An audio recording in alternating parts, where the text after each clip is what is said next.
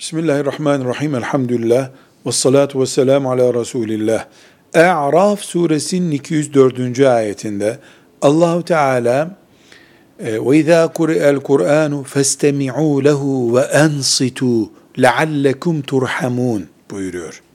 Kur'an okunduğu zaman susun kulak verin. Belki merhamet görürsünüz. Allah'ın rahmetine erersiniz. Bundan çok açık anlaşılıyor ki Kur'an-ı Kerim'den ilmi bir konu istifade edip talebe ders çalışıp şeriat öğrenip amel ettiği zaman Müslüman onunla ibadet yaptığı zaman sevap kazanıldığı gibi mücerret olarak dinlemek bile Kur'an'dan sevap kazandırıyor. Allah'ın rahmetini garantili hale getiriyor adeta. Bu sebeple Kur'an-ı Kerim anlaşılınca sevap denecek bir kitap değildir. Anlaşılınca ilim sevabı da ilave olur.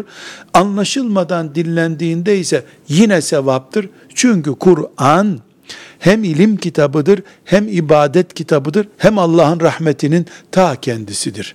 Velhamdülillahi Rabbil Alemin.